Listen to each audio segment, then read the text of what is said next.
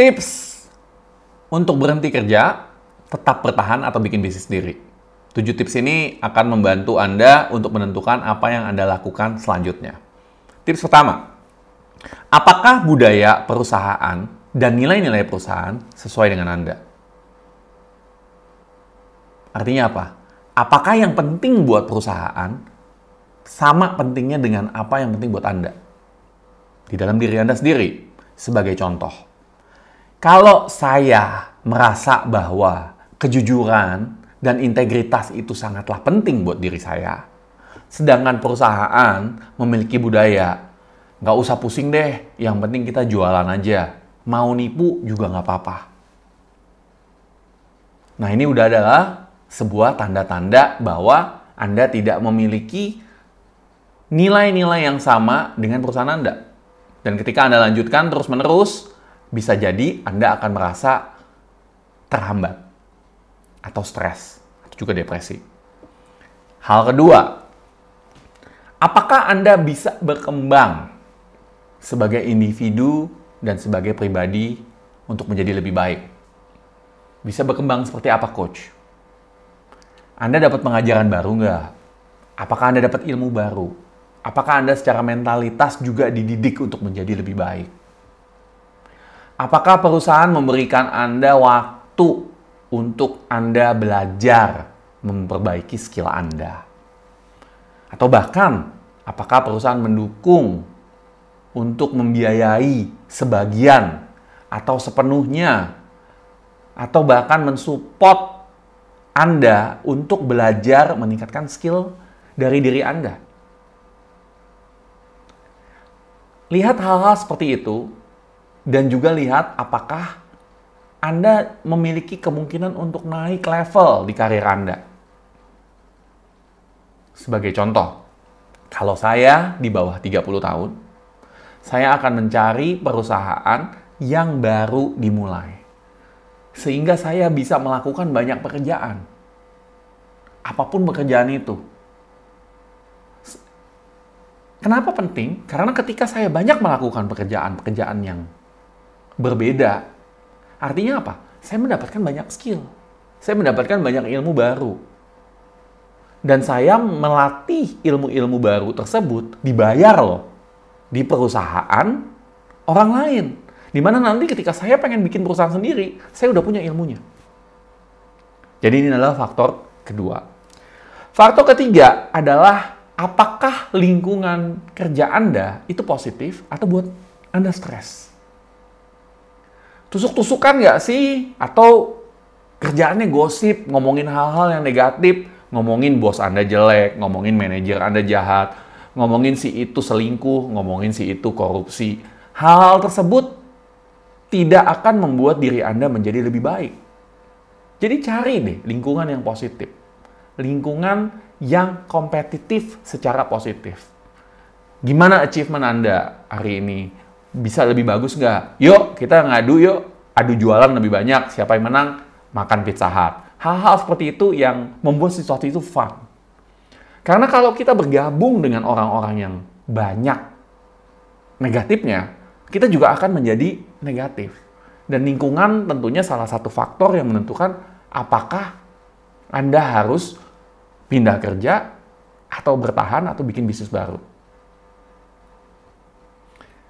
Hal keempat, apakah visi leader dan visi perusahaan sesuai dengan visi Anda secara pribadi? Atau jangan-jangan di beberapa perusahaan, leadernya atau pimpinan perusahaannya pun nggak punya visi. Ibaratnya kalau kita naik kapal laut, pilotnya nggak tahu atau nakodanya nggak tahu arahnya mau ke mana,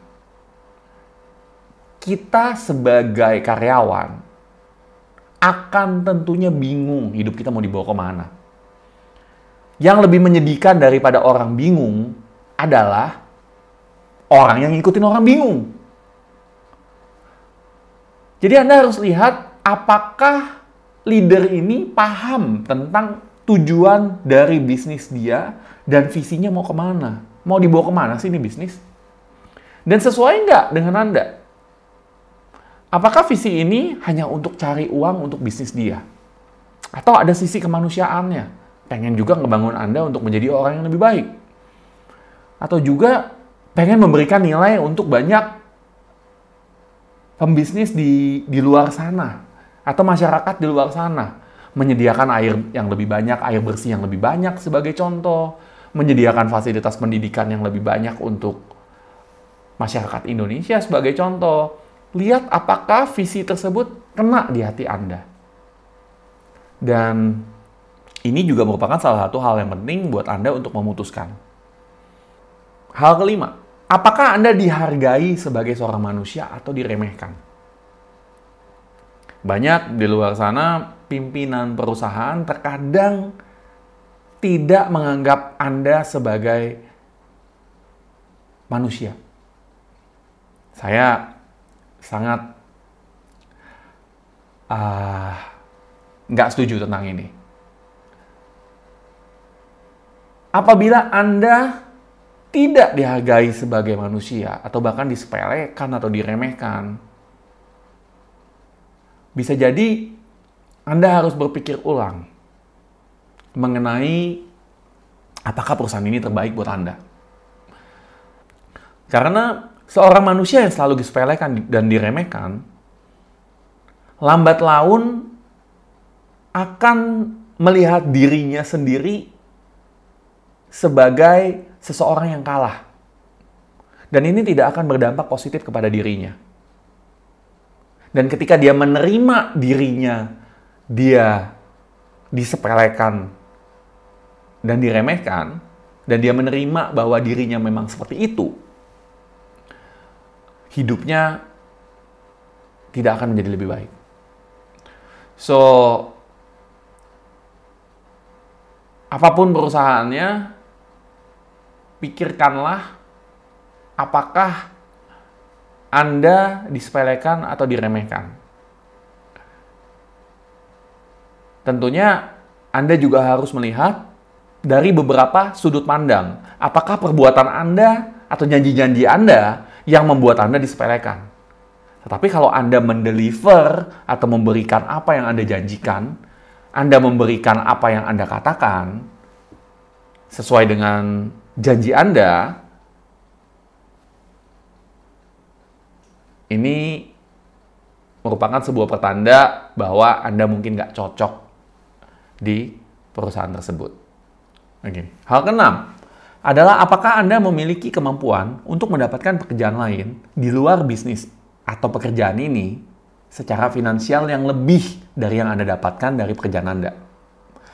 Usulan saya adalah Anda minimal mendapatkan tiga kali lipat dari gaji yang Anda dapatkan sebelum Anda bisa memutuskan untuk pergi dan melakukan bisnis sendiri.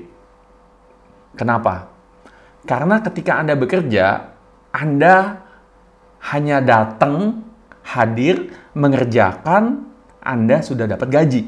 Tetapi ketika Anda berbisnis, tidak setiap bulan Anda akan mendapatkan penghasilan yang sama. Dan ini sangat menantang. Dan ini sangat menantang.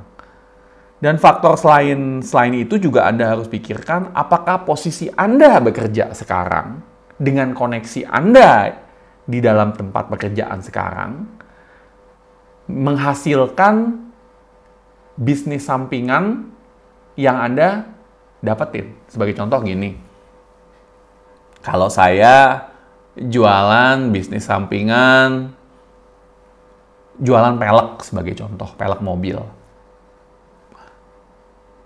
Dan saya bekerja sebagai salah satu sales di perusahaan otomotif. Bisa jadi banyak dari klien saya setelah beli mobil sama saya, beli pelek sama saya. Nah, kalau penghasilannya saya dapatkan seperti itu, tentunya Anda jangan jangan pernah berhenti bekerja. Karena Anda mendapatkan customer, yang Anda dapatkan adalah customer-customer karena posisi Anda sebagai sales mobil atau sales otomotif tersebut. Jadi pikirkan hal-hal ini. Pertimbangkan sebelum Anda berhenti bekerja atau memilih untuk melakukan bisnis. Tergantung dari posisi Anda. Hal ketujuh adalah apakah Anda seorang motivator atau leader yang baik? Kalau Anda belum berhasil untuk menjadi seorang leader yang baik di perusahaan Anda, leader yang disiplin dan bisa memberikan contoh, ketika Anda keluar kerja dan melakukan bisnis Anda sendiri, bisa jadi Anda akan kesulitan untuk memotivasi diri sendiri. Tapi coach, saya mah kalau di perusahaan saya, kalau ini perusahaan saya sendiri, saya pasti bisa coach. Belum tentu, karena itu sudah menjadi pola Anda. Ketika Anda mendapatkan kebebasan untuk melakukan apa pun yang Anda mau, karena ini bisnis Anda, Anda bisa tutup kapan aja, Anda bisa buka kapan aja, Anda bisa ketemu customer kapan aja yang Anda mau, anda mau ketemu tiga customer satu hari bisa, mau 10, 10, 10 customer bisa, mau nggak ketemu juga bisa. Akan cukup menantang untuk mendisiplinkan diri Anda atau memaksa diri Anda sendiri ketika Anda adalah seorang bos dari diri sendiri. Nah, kalau Anda tidak bisa melakukan itu di pekerjaan di mana Anda dibayar dan dipaksa, mungkin Anda harus berpikir ulang untuk mencoba menjadi seorang leader yang lebih baik sebelum Anda memilih untuk berbisnis sendiri. Ini adalah tujuh tips dari saya untuk berhenti kerja, bertahan, atau bikin bisnis. Saya Coach Di Chandra, salam miliarder.